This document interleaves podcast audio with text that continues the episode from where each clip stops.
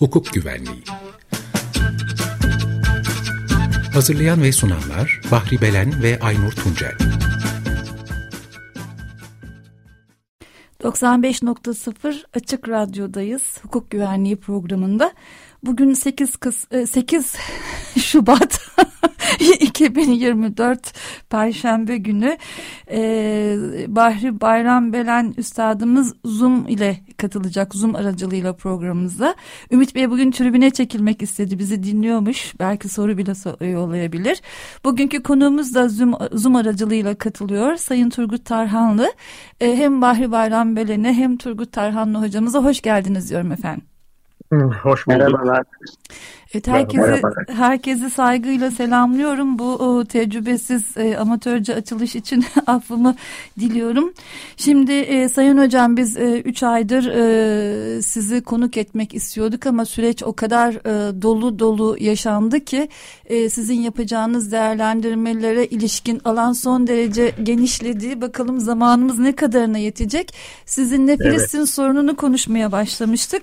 Bu evet. 7 Ekim'de e, Aksa e, tu, Aksa tufanını başlatan bu El, El Kassam Tugaylarının roket atmasıyla başlayan bu örgütün e, operasyonuna karşı hava saldırısı e, Demir Kılıçlar operasyonunu devlet İsrail devleti başlattı ve bir yığın e, e, insan e, insani hukuka aykırı uygulamayla karşılaştık. E, bunları o zamanki koşullar içinde sizinle konuşmuştuk. Rakamlar kısa sürede çok yükselmişti. Evet, ben bugün evet. ölü ya da yaralı sayısı falan vermek istemiyorum. Çünkü anlamsızlaşıyor bunu rakamlarla ifade etmek. E, içeriği, dozu ve insanlık tarihindeki yeri önemli. Şimdi en son olarak Uluslararası Adalet Divanı'nı Nın verdiği bir karar var 26 e, Ocak tarihli.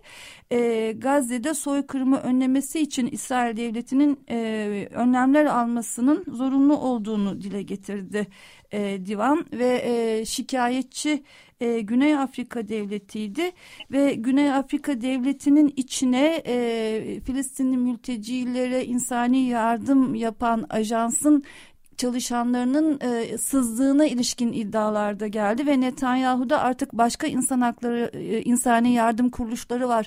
E, bunu devreden çıkarın gibi açıklamalar yaptı. Ortalık karıştı. Ama e, Güney Afrika devletinin hatta bu ajans tarafından yönlendirildiği şikayetinin e, dedikodusu yapıldı ve e, taleplerinin bir kısmı karşılandı bir kısmı karşılanmadı ama çok kısa sürede verilen ve İsrail e, yargıcının da e, katılmak zorunda olduğu bölümleri olan bir kararlar dizisi var. Ben daha fazla sözü uzatmayayım sayın, e, sayın hocam. E, isterseniz Lahey e, divanı hakkında bilgi vererek, isterseniz doğrudan kararı ele alarak e, söz sizin olsun efendim. Ben dinlemeye geçiyorum. Çok teşekkür ederim. E, çok teşekkür ederim. Çok teşekkür ederim. Evet, e, ilk e, bu program çerçevesinde bir görüşme yapmıştık bir katıya. Fakat daha işin başlarıydı hatırladığım kadarıyla. Hı hı. E, biraz Filistin meselesi, biraz onun hukuki ortaya çıkan gelişmeler ışığındaki değerlendirmesiyle sınırlı. Fakat ondan sonra dediğiniz gibi hakikaten çok ilerledi. Bu kriz ilerledi hem insani bakımdan hem de işin hukuki karmaşıklığı ve tabii ki derinliği bakımından. O bakımdan e, bir saat umarım yani bu süre program boyunca umarım yetiştirebiliriz. E, ama tabii ki her şeyi de konuşmamız şart değil. Daha zaten bu davanın kendisi muhtemelen bir uzun zaman alacak e, ve gönül ister ki davanın sonuçlanmasından önce bu felaket sona ersin. Ee, özellikle ortaya çıkan insani kıyım sona ersin. Ee, davanın hukuki değerlendirmenin e, ayrıca tabii ele alınması kaçınılmaz. Şimdi evet e, ne oldu? E, Güney Afrika nereden çıktı Güney Afrika diye sorulabilir e, tabii. E, bunu tabii Güney Afrika'nın e, yöneticileri çerçevesinde, nezdinde nasıl bir karar süreciyle içinde, kendi içlerinde, bünyelerinde e, kararlaştırdılar ve harekete geçtiler. E, ayrıca belki bir inceleme gerektirebilir ama ben uluslararası hukuk perspektifinden baktığım zaman çok aslında e, önemli bir bağlantı olduğunu görüyorum. O da şu, biliyorsunuz e, Güney Afrika Cumhuriyeti e, yıllar yılı yani 90'lı yılların ortalarına kadar aslında ırkçı bir beyaz azınlığın e, yönetimi altında olan bir siyah nüfusun e, zu, çektiği zulümle tanınan ve de Birleşmiş Milletler'in de bu devlete karşı bir yaptırım uyguladığı, Türkiye'de dahil olmuştu o yaptırımlara, uzun boylu yani 70'lerden başlayarak uygulanan yaptırımlardır. Hatta Güney Afrika Cumhuriyeti'ne yönelik bu e, bu daha doğrusu bu ırkçı e, yönetimin uyguladığı e, zulüm Birleşmiş Milletler İnsan Hakları Koruma Sistemini dönüştürmüştür. Yani bugün İnsan Hakları Konseyi ya da daha önceki İnsan Hakları Komisyonu bünyesindeki özel usullere tabi, özel raportörler mekanizması, çalışma grupları mekanizması hepsi insan hakları odaklıdır bunların. E, yetkileri aslında başlangıçtaki orijinal Birleşmiş Milletler yapılanması içinde yoktu fakat e, Güney Afrika Cumhuriyeti ve akabinde 70'lerin Latin Amerika juntalarının ortaya çıkarttığı büyük insan hakları ihlalleri Birleşmiş Milletler'in yetkilerini bu alanda da genişlemesine yol açtı. Yani böyle bir mazi var. İlginç olan bağlantı hukuki bakımdan nedir derseniz gene bir Uluslararası Adalet Divanı e, kararı bağlamında o da şu.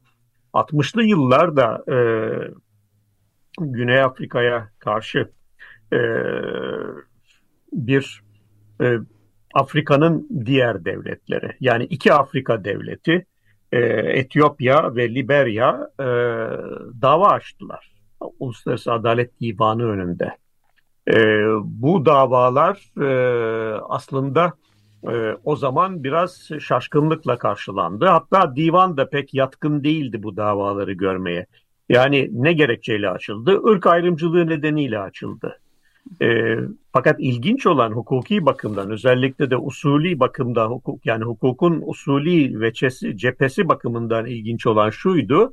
E, bu her iki devlette yani Etiyopya'da, Liberya'da e, böyle bir davayı açmaya hukuki menfaatlerinin olduğunu savunarak açtılar bu davaları.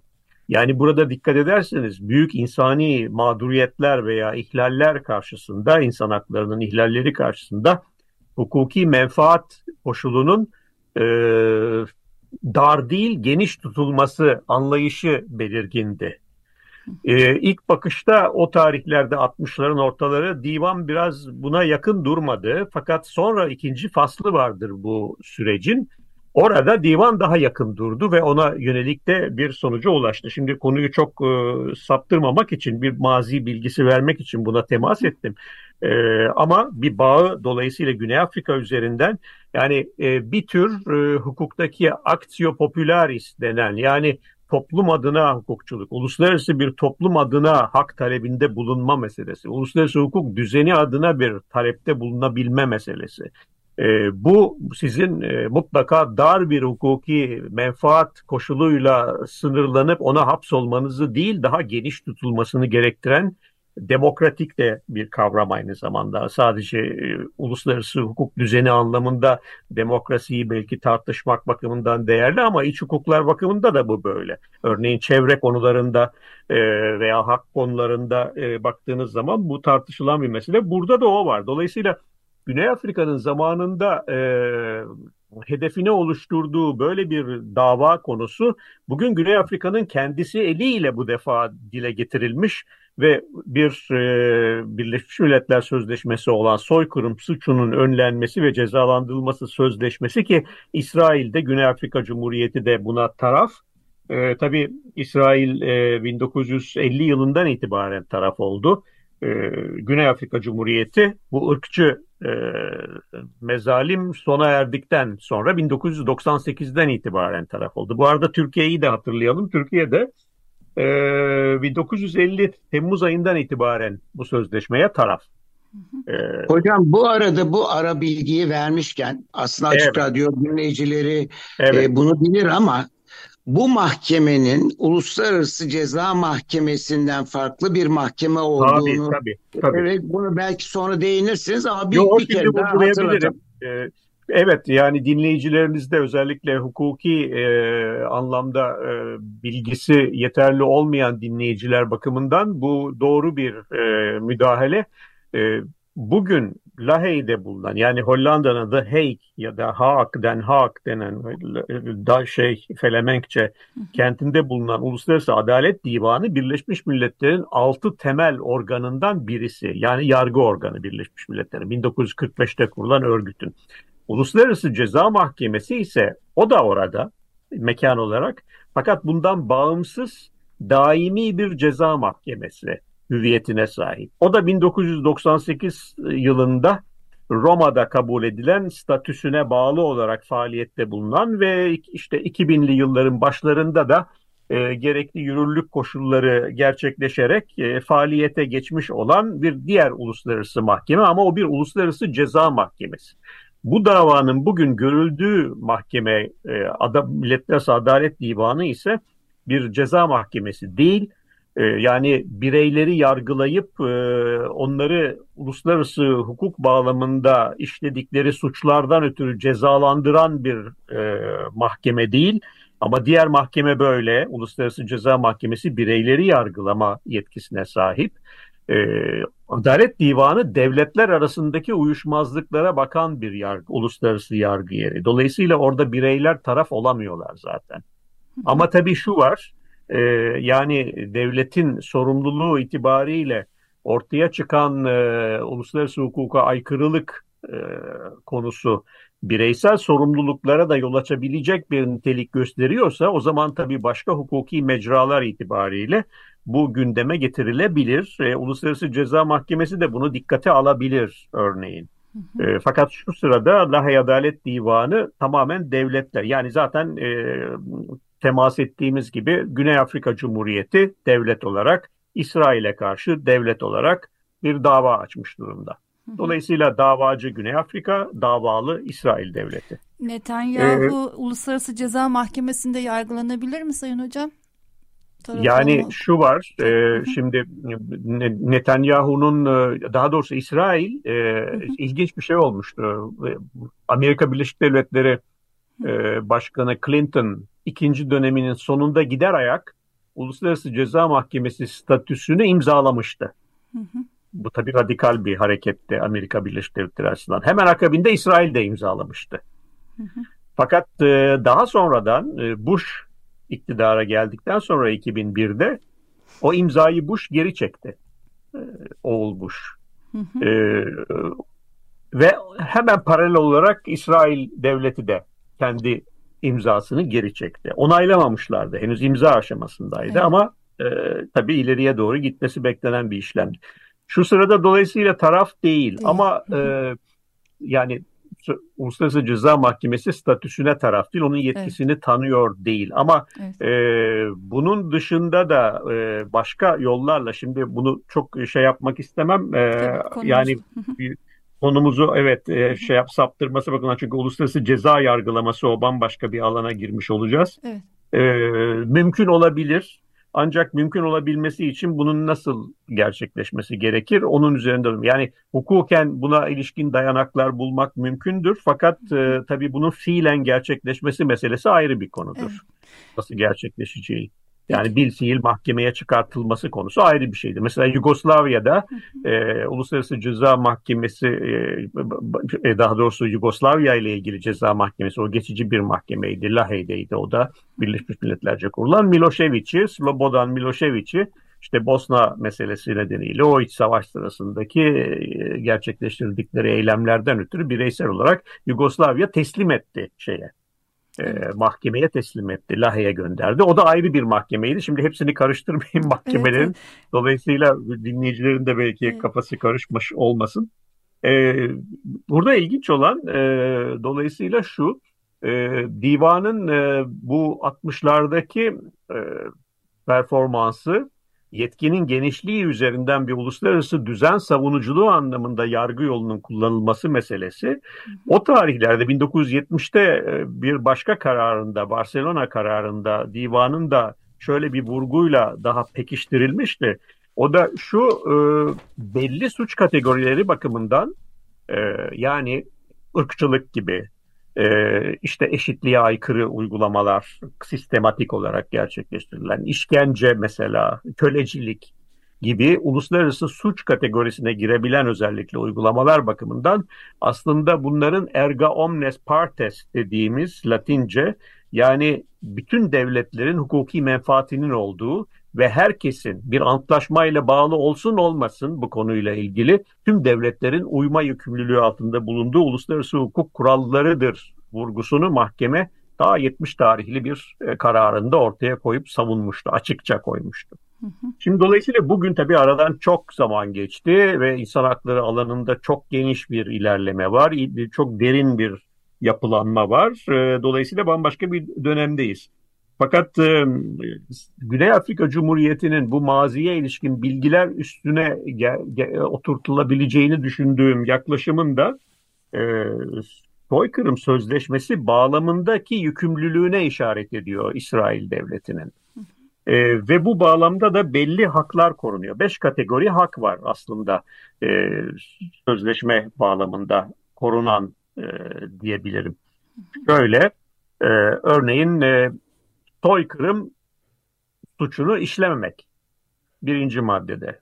Soykırım suçunu ön, e, önlemek soykırım suçunun e, cezalandırılması bunlar yükümlülük hepsi. Bunlar hepsi bu üç saydığım birinci maddesinde sözleşmenin tanımlanmış üç farklı yükümlülük. E, dördüncü yükümlülük buna ilişkin soykırımın önlenmesine ilişkin gerekli düzenlemeleri yapmış olmak kendi hukukunda. E, beşinci yükümlülük e, bu konuyla ilgili bir takım eylemlere girişmiş olan kişilerin Dolayısıyla sorumlu tutulmalarını sağlayacak e, adımların atılması konusunda yani cezalandırılması, etkili cezalandırmalar, e, etkili bir cezalandırma sisteminin olması, cezasızlığın söz konusu olmaması meselesi. Bir diğer sorumluluk, şey, yükümlülük yetkili bir mahkeme önünde bu kişilerin yargılanabilmesi imkanının verilmesi. E, bir diğeri e, özellikle bir suçluların iadesi meselesi söz konusu olduğunda e, bu anlamda bir soykırım suçunun işlenmesinden sorumlu olan kişilerin e, iadesi konusunun e, özellikle soykırım suçunun ağırlığı bakımından dikkate alınarak işlemlerin gerçekleştirilmesi yani o kişilerin bir soykırım suçu çerçevesinde buna maruz kalabilecek e, bir sonuçla karşılaşmamaları için gerekli özeli tedbiri alma yükümlülüğü. Yani sözleşmenin genel anlamda yükümlülükleri bu. Bunlardan tabii son ikisi değil ama yani suçluların iadesi meselesi veyahut işte yetkili bir mahkemenin kurulması değil ama diğerlerinin hepsi konusunda Güney Afrika İsrail'i yükümlülük altında olduğunu vurgulayarak açtı davayı. Yani e, bu anlamda bu suçu işlediği e, tabii kesin bir sonuca ulaşmış ve bir mahkeme kararıyla tespit edilmiş değil ama çok özetle ifade etmek gerekirse soykırımı gerçekleştirmemek, önlemek, e, bu konuda bir tertip içinde olmamak, e, doğrudan ya da açık bir biçimde, aleni bir biçimde soykırımı savunmamak, buna girişimde bulunmamak ve bu konuda bir işbirliği içerisinde, bir e, suç ortaklığı içinde de olmamak. Devletin adına davranan ya da davranmayan kişilerle işbirliği içinde olmak da buna dahil edilebilir.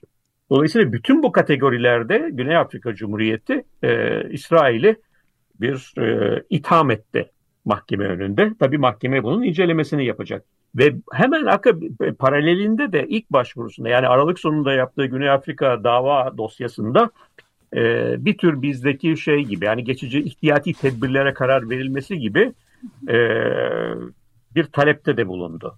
Mahkemenin dolayısıyla Ocak ayı sonunda vermiş olduğu karar o ihtiyati tedbir ya da geçici önlemler diye tanımlayabileceğimiz e, konuya ilişkin karardır. Ocak ayı sonunda verdiği karar. Ama işin esasına ilişkin henüz karar tabii ki vermedi mahkeme daha. Ee, şimdi vermeyebilir ne, de değil mi Bosna e, e, vermeyebilir Sırbistan de, vermeyebilir örneğine de. bakarsak. Orada da tedbirler Kesinlikle verdi. vermeyebilir. Hı hı. Çünkü tabii soykırım çünkü çok e, ağır bir suç e, kategorisi malum. Fakat e, işte önemli olan burada e, nasıl değerlendirileceği meselesi. Şimdi tarafların tezleri bu noktada tabii karşı karşıya geldi. E, temel buradaki sorun şuydu.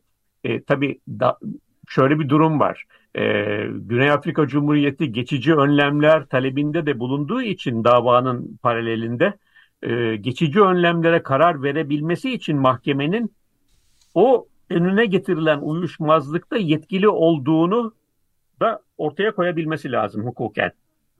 Evet. E, bunu yaptığı zaman o geçici önlemlere de karar vermesi söz konusu olacak. Ancak bunu yaparken tabii birkaç kriter var dikkate alması gereken. Bir kere ortada bir hukuki uyuşmazlık var mı? İsrail diyor ki hayır bu hukuki bir uyuşmazlık değildir diyor. Bu politik bir uyuşmazlıktır diyor. Güney Afrika Cumhuriyeti ise bu bir hukuki uyuşmazlıktır diyor. Yani ne demek hukuki uyuşmazlık, e, siyasi uyuşmazlık? Hukuki uyuşmazlıkta ki e, soykırım sözleşmesinin 9. maddesi de aslında bunu e, ifade eder. Soykırım Sözleşmesi'nin 9. maddesini sizle e, paylaşabilirim. E, Sözleşmenin yani yorumlanması ve uygulanması. evet, sözleşmenin evet. yorumlanması ve uygulanması. Orada diyor ki sözleşme, bu sözleşmenin yorumu, uygulanması veya icrasına veya soykırım fiilinin yahut üçüncü maddede sayılan bir takım fiiller var. Bunlar işte soykırıma e, varacak fiiller.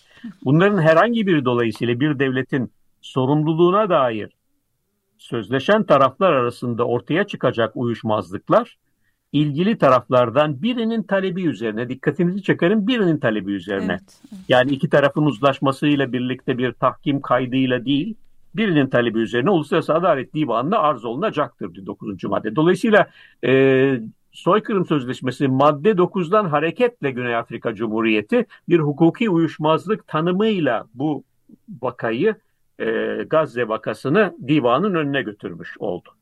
Şimdi İsrail'in buna karşı defi diyebileceğimiz itirazı hayır efendim bu bir siyasi uyuşmazlık. Hatta e, vurgulamak isterim e, herkesi şaşırttı Ugandalı e, yargıç e,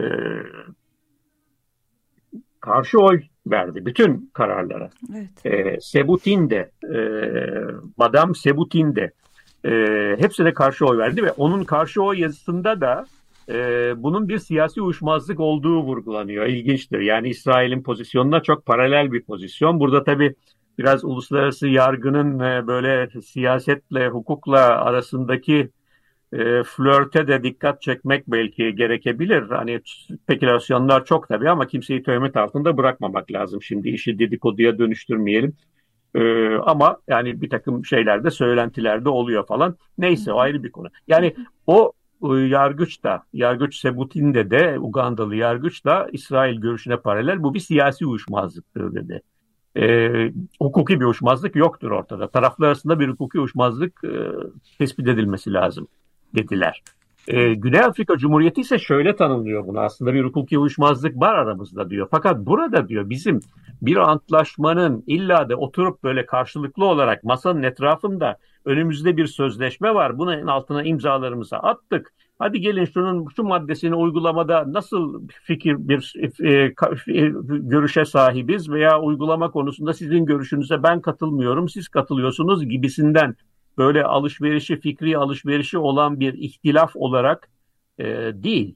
Başlangıçtaki vurguyu dikkate almak gerekirse bir uluslararası düzen bakımından büyük önem taşıyan bir soykırım meselesi. Yani suçların suçu olarak yani cürümlerin anası olarak kabul edilen bir suç olarak tanımlanıyor literatürde bu mesele. Dolayısıyla uluslararası kamu düzeniyle de yani sadece yerel anlamda değil uluslararası kamu düzeninin meşruiyeti bakımından da bununla cezasızlığa varmayacak bir şekilde müdahale etmek her devletin sorumluluğu aslında. O bakımdan e, bir kere kendini aynı zamanda bu sözleşmeden doğan bir hakkı olarak Güney Afrika Cumhuriyeti kendi haklarının da ihlal edildiğini paralel olarak dile getirerek bu davayı açtı. Ama esas tabii Filistinlilerin haklarının e, özellikle Gazze'deki Filistinlilerin ya da genel olarak ama esas mesele Gazze e, haklarının korunması. Ve bu konuda aslında e, tabii ilk kez bu davayla görüşünü dile getirmiyor Güney Afrika Cumhuriyeti. E, tek, İsrail hükümetine teklifte bulunmuş Güney Afrika Cumhuriyeti hükümeti bu konuyu görüşelim diye. E, bu 2023 yılının e, ortaları. E, ve saldırıdan önce zaten evet saldırıdan önce e, İsrailli büyükelçiyle yani şeydik Pretoria'daki Güney Afrika Cumhuriyeti'nin başkentindeki İsrail büyükelçisiyle görüşüyorlar. E, ondan sonra işte e, kendi konumunu ve pozisyonunu dile getiriyor Güney Afrika Cumhuriyeti. Buna karşılık İsrail'in bir e, medyaya yönelik açıklaması oluyor. E, daha sonradan e, Uluslararası Ceza Mahkemesi'nin e, İsrail ile ilgili savcılığının yerinde incelemeler yaptığı açıklamaları e, onlar da takip ediyorlar meseleyi çünkü kendi e, mecralarında. Ona yönelik olarak o açıklamalara karşı İsrail şey Güney Afrika Cumhuriyeti gene kendi görüşünü ortaya koydu. Yani aleni kıldı hukuki anlamdaki kendi pozisyonunu. Daha önemlisi geçtiğimiz yılın 12 Aralık tarihinde Birleşmiş Milletler Genel Kurulu'nda özel acil bir özel oturum düzenleniyor. E, bu her zaman düzenlenen bir e, oturum değildir usulen. E, yani bu yönde acil özel oturum olarak e, tanımlanan bir e, oturum genel kurulda tüm devletler temsil ediliyor. Orada Güney Afrika Cumhuriyeti görüşünü açıkça dile getiriyor hukuki planda. İsrail'in de temsilcisi orada var. O da kendi görüşünü ortaya koyuyor. Tabii diğer devletler vesairede. Daha sonra e, İsrail'in e, kendi hükümetinin ortaya koymuş olduğu e, bir e, rapor var. Yani gene Aralık başlarında nasıl Gazze'de yürütülen savaş ve hukuken bunun anlamı nedir vesaire buna karşı bir sözlü nota iletiyor Güney Afrika Cumhuriyeti İsrail'e karşı. İsrail buna 21 Aralık tarihli 27 Aralık'ta İsrail cevap veriyor. Yani e, şimdi bunlara baktığınız zaman ve bu görüşmelerin özellikle e, böyle karşılıklı olarak aleni ve çok taraflı diplomatik ilişkiler içerisinde ortaya konulmuş olması e, Uluslararası Adalet Divanı'nın e, yargılama yetkisi ve içtihadı ışığında e, bir konunun hukuki uyuşmazlık oluşturup oluşturmadığına kanıt oluşturabilecek emareler olarak mütalaa ediliyor. Yani taraflar ayrı ayrı da o konuya ilişkin hukuki görüşlerini dile getirmiş. Bu görüşler özellikle de Birleşmiş Milletler gibi uluslararası forumlarda tartışılmış, zıt görüşler ortaya konulmuş ve dolayısıyla bir hukuki uyuşmazlık taraflar arasında tezlerin farklılaştığı ya işte o Stockholm Sözleşmesi madde 9 bağlamında bir uyuşmazlık kendini göstermiş. Divan bunu kabul etti bu vakada. Evet 27 Aralık'taki İsrail'in yanıtından hemen sonra 29 Aralık'ta açılmış oluyor dava. Açıldı dava hmm. tabii. İsrail tarafı gerçi onların e, işte e, temsilci heyetinde yer alan İngiliz hukukçu Malcolm Shaw e, kendi sunumunda İsrail tarafına, İsrail lehinde tabii o ekibin bir hukukçusu olarak e, yer alıyor. E, bu konuya ilişkin geçici önlemler konusunda bir sunum yaptı o. o biraz da doğrusunu isterseniz çok ironikti çünkü e, kağıtlarını karıştırdı. Bunları kim birisi kağıtlarımı karıştırmış dedi sunum sırasında falan. Kaybettim dedi kağıtlarımı falan. Hani Türkiye Bilimler Akademisi'nin e, Uluslararası Hukuk kitabını Türkçe'ye çevirdiği bir e, hmm. bilim adamıdır kendisi. E, böyle bir e, profil çizdi. İlginç tabii. Gerçekten. E, e, yani biraz şaşırtıcıydı. Her düzeyde avukatlık bakımından herhalde değil mi? Böyle biraz e, beklenmemesi gereken bir davranış. O da mesela e, aslında bunu şey yapıyor. Yani bir hukuki uyuşmazlık olmadığını iddia ediyor vesaire. Ee, ve şeye işaret ediyor söylediğiniz meseleye hemen diyor daha da olgunlaşmadan diyor davayı açtı Güney Afrika Cumhuriyeti diyor. Yani iki gün sonra açtı davayı biz görüşümüzü ilettikten sonra. Biz daha uzatacaktık e, ama, diyor yani. yani e, aslında Hocam, olgunlaşmış bir zıtlaş, zıtlık var. Yani tezler arasında zıtlık. Dolayısıyla hukuki bir uyuşmazlık taraflar bakımından netleşmiş. Farklı platformlarda kendini ortaya koymuş. ikili ya da çok taraflı ilişkilerde. Divan bunu kendi iştihadı gereğince de yeterli kabul ediyor bir uyuşmazlığın hukuki olup vasıflandırılması bakımından, hukuken hukuki olduğunun vasıflandırılması bakımından ve o yüzden de, de e, uyuşmazlık hukukidir e, şeklinde bir sonuca vararak ilerledi mahkeme Hocam, dolayısıyla. Burada çok özür dilerim bir şey sormak istiyorum.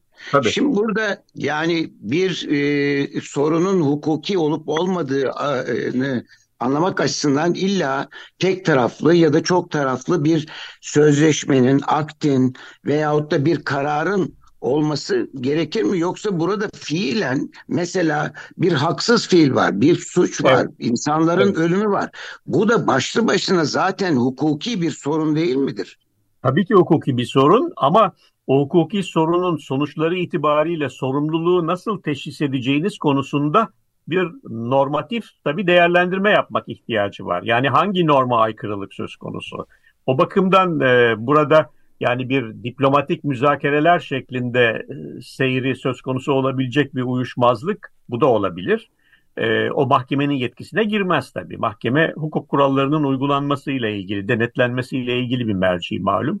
E, o nedenle bir hukuki tavsif, bir hani vasıflandırma ihtiyacı e, kendini ortaya çıkartıyor. Zaten o söylediğiniz e, vakalar nedeniyledir ki bir hukuka aykırılık ve dolayısıyla hangi hukuka aykırılık sorusu kendini gösterip mahkeme önüne götürüldüğü için da bu vaka e, mahkeme de e, bu dava nedeniyle görüşünü o çerçevede yani hukuk kurallarına uygunluk öncelikle tabii hukuki vasıflandırma ardından da gereği neyse ona uygun olup olmadığını o vakaları değerlendirerek e, ortaya koymak zorunda.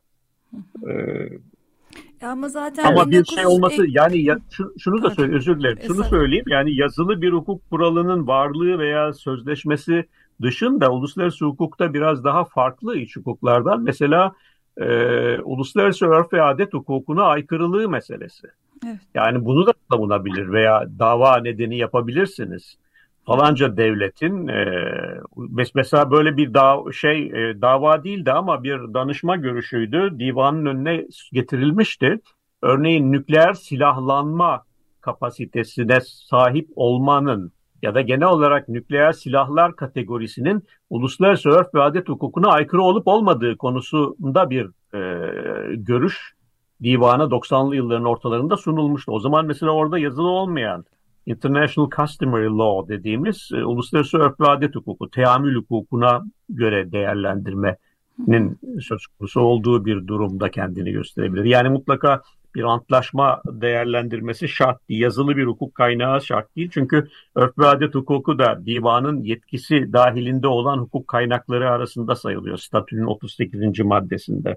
Evet. Divan. İç hukukta da bu e, örf ve adet hukuku vardır zaten değil mi hocam? E, var İç tabii hukuk. ama artık modernleşmeyle birlikte tabii olabildiğince malum e, kodifiye edildiği için bu kurallar iç evet. hukuklarda daha hızlı ben de onu evet. söylemek istedim Sayın Hocam. Özür dilerim. Soykırım evet. suçunun önlenmesi ve cezalandırılması sözleşmesi 1951'de yürürlüğe girmiş Birleşmiş Milletler e, camiası evet. içinde ve zaten İsrail'in taraf olup olmaması diye bir tartışma yok. Yükümlülükleri ortada.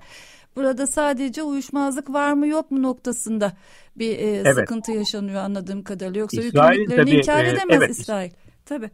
E, evet yani ama İsrail'in söylediği şu bizim aramızda bu konuda bir uyuşmazlık yok diyor. Evet. Yani şeyle Güney Afrika Cumhuriyeti ile aramızda böyle bir uyuşmazlık söz konusu değil diyor. Taraf yani üçüncü taraftır Taraf, diyor evet. şey Güney Afrika Cumhuriyeti. Hı hı. Güney Afrika Cumhuriyeti de aksini savunuyor. Ve neden aksini savunmanın uygun olduğuna dair de işte bu söylediğimiz çerçevede e, temellendiriyor pozisyonunu ki divan da onu geçerli kabul ettiği için e, dolayısıyla süreç ilerledi bu noktada ve şuna vardı divan. Evet dedi burada taraflarca e, zıt görüşler var. Neyle ilgili? İşte Gazze'deki İsrail'in e, mukabelesiyle ilgili Hamas'ın e, saldırısı karşısındaki e, hukuken bu konuda tarafların tezleri farklılaşıyor ve bu bir hukuki uyuşmazlık konusudur. O bakımdan hocam, da o zaman içine giriyor. Evet o zaman hocam sizi birazcık dinlendirelim. Tamam. Bir e, müzik e, dinletelim. Müzik de yine bu e, Emel Mahluhi'nin e, Filistin'le ilgili e, bir parçası. O evet. arada siz de bir nefes almış olun hocam. Çok teşekkürler. Memnuniyetle. 95.0 Açık Radyo'da hukuk güvenliği programındayız. ben ağlayarak dinledim şarkıyı. Ee, Sayın Hocam, e, siz bir insan hakları uzmanı ve uluslararası hukuk uzmanı olarak bize Uluslararası Adalet Divanı'nın 26 Ocak'ta açıkladığı e, pardon özür e, e, evet e, şey evet. E, geçici e, tedbir kararını e, açıklıyorsunuz. E, hepimiz tüm dünya kamuoyu olarak büyük bir merakla televizyonların başına geçtik, YouTube'larımızı açtık ve e, bu Gazze'deki insani açıdan felaketi aslında e, fiilen e, ve hukuken kabul e, ettiğini mahkemenin bence e, bu anlamı içeren e, kararları dinledik. Kararlar 14 günde kısa sürede verilmişti. E, bu çok önemli e, ve e, bütün talepler kabul edilmemişti ama İsrail yargıç Barak bile bazılarına katılmıştı. O yüzden sizden e, evet. e, geriye kalan son e, zamanı da değerlendirerek bir daha soru sormamak adına 27 geçe programı kapamamız uyarısı tamam. geldi. Çünkü bugün sarkma var. Tabii. Talepler nelerdi Sayın Hocam? Ne kadarı kabul oldu? Barak Şöyle, hangilerine katılmak evet. zorunda kaldı? Buyurun efendim. Şöyle şimdi e, tabii ona geçebilirim fakat e, Buyurun, hep tabii, soykırım tabii. soykırım diyoruz Hı. ama e, soykırımı özellikle sözleşmedeki kapsamının ne olduğunu da kısaca aktarmak lazım. Herkesin de uluslararası hukuk dinleyicilerinizin özellikle e, uzmanı olmadığını düşünerek Tabii belki ki. netlik kazanması bakımından e, sözleşme ikinci maddesinde şöyle bir tanım yapıyor. Diyor ki e, soykırım nedir? Milli, etnik, ırksal veya dinsel bir grubu kısmen ya da tamamen imha etmek maksadıyla, böyle bir niyetin olması maksadıyla aşağıdaki fiillerden herhangi birinin e, gerçekleştirilmesi anlamına gelir. Nedir o fiiller? Beş kategori eylem var burada. Ya grup üyelerinin katledilmesi, öldürüyorsunuz tümüyle. Veyahut grup üyelerinin bedeni veya akli melekelerinin ciddi surette haleldar olacağı bir ıı, baskıya, bir durum, bir şeye, bir veya bir politikaya maruz bırakılması. Üçüncü olarak grubun bedeni varlığının kısmen veya tamamen imhasına yol açabilecek hayat şartlarının kas hayat şartlarına kasten tabi tutulması. Yani e, aç bırakılması vesaire işte susuzluk e, gibi sağlık hizmetleri. Temel evet tabii sağlık vesaire. Yani temel ihtiyaçları düşündüğünüz zaman. Dördüncü eylem kategorisi bu grup içindeki doğumları sekteye uğratacak bir takım tedbirler ya da politikalar uygulanması. Bu zorla kürtajlar olabilir veya doğum kontrolleri olabileceği gibi e, mesela burada da tartışılan mesele bebeklerin ölümü küvezlerde veyahut işte o şeyde e, doğum yeni doğan servislerinde vesaire bunu tartışılıyor bu bağlamda. Sonuncu olarak da bir grup çocuklarını yani bu gruba mensup çocukların başka bir gruba zorla nakledilmesi yani e, kendi aile veya işte sosyal bağlarından kopartılması meselesi. Evet. Şimdi bunların hepsi konusunda Güney Afrika Cumhuriyeti İsrail'i itham etti.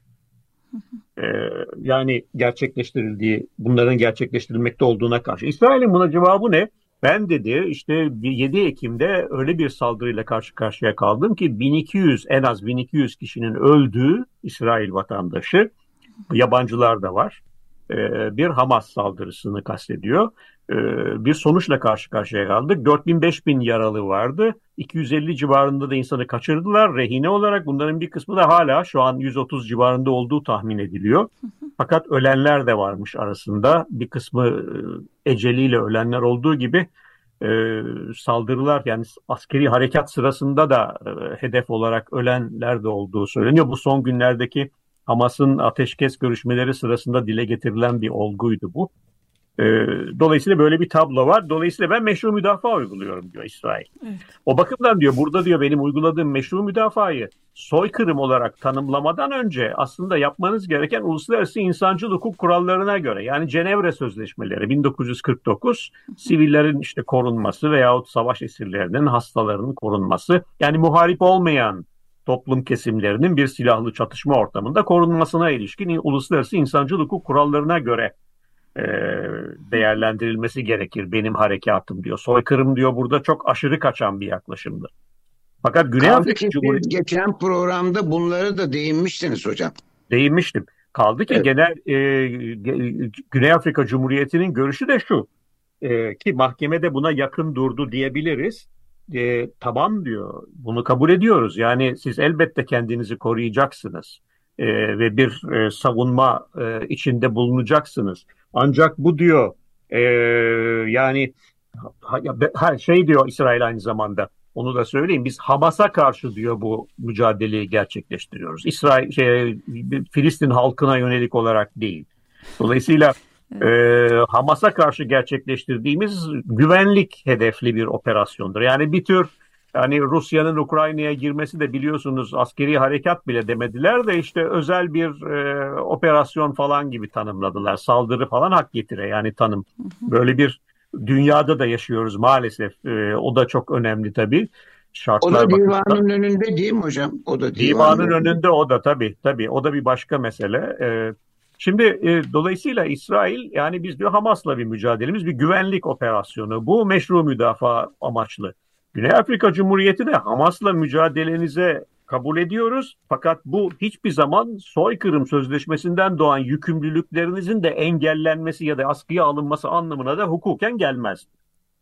Dolayısıyla yani meşru müdafaa olarak tanımlanması da aslında bir devlete karşısında silahlı saldırıya maruz kalmak anlamına gelebilecek bazı hukuki incelikler de orada tartışmaya tabii sunulabilir aslına bakarsanız. Çünkü siz öyle bir e, meşru müdafaa konumunda kendinizi savunuyorsunuz ki karşınızdaki e, aktör aslında sizin e, hem işgal hem de tamamen muhasara altına, kuşatma altına aldığınız bir bölgeden size yönelik bir güvenlik tehdidi yaratmaya e, yaratmış ya da bu, bu iddiada bulunduğunuz bir aktör. Yani dolayısıyla aslında çok bağımsız bir uluslararası aktörün veya yerel bir e, diğer e, gücün e, böyle bir çaba içinde olduğunu söylemek zor. Yani meşru müdafaanın hukuki teknik ayrıntıları bakımından da tartışılabilecek tarafları yok değil. Peki ortaya çıkan bu sözleşmeyi bu meşru müdafaa olarak tanımlansa bile e, tartışmaya sunacak yani soykırım meselesini tartışmaya sunabilecek e, olgular neler ve bunları nasıl tespit ediyoruz? Tabii burada e, uluslararası birçok e, raporlama var ve bunlar da özellikle Birleşmiş Milletler bünyesindeki örneğin e, Birleşmiş Milletler'in e, OCHA adlı kısaca OCHA kalkmasıyla anılan bir birimi, bu bir insani yardım birimi. E, onların e, başkanı Martin Griffiths'in hazırladığı bir rapor yakında açıklandı bu. Yani o dava süreci henüz daha başlamadan önce e, diyor ki İsrail diyor Gazze'yi İngilizcesiyle uninhabitable diyor. Yani iskan edilemeyecek e, bir e, belde haline dönüştürmeye çalışıyor diyor. Ee, daha yakın zamanda UNRWA'nın yani o Birleşmiş Milletler'in tamamen Filistinliler için 47-48'lerde kurduğu e, bir oluşum İsrail şu anda onları işbirlikçilikle suçlayıp tasfiye etmek e, yönünde bir politika içinde. E, onların UNRWA'nın e, yani UNWRA e, yani kalkınma ve yardım örgütü bir Filistinlilere yönelik kalkınma ve yardım bayındırlık ve yardım örgütü. E, bu tamamen Filistinliler için kurulmuş. Nerede olursa olsunlar. Yani mülteci veya bunun kaldırılmasını ve başka bir örgütün görevlendirilmesini evet, çünkü o, o çünkü bir tür sembolik bir yapı gibi görülüyor İsrail hükümetlerince. Yıllardır bunu savunurlar. Yani 40'larda o İsrail devletinin kurulmasıyla birlikte bu Birleşmiş Milletler Ajansı da kuruldu. Dolayısıyla İsrail devletinin kurulmasına paralel bir yaşı var, mazisi var ve onunla paralel gelişti. Ve bu neyi ifade ediyor? Yani Filistinlilerin işte o Nakba yani o ilk felaket yani 48 sonrası yerinden edilmelerle birlikte ki son Gazze olayları ondan sonraki ikinci bir en büyük e, felaket olarak tanımlanıyor Filistin tarihi bakımından.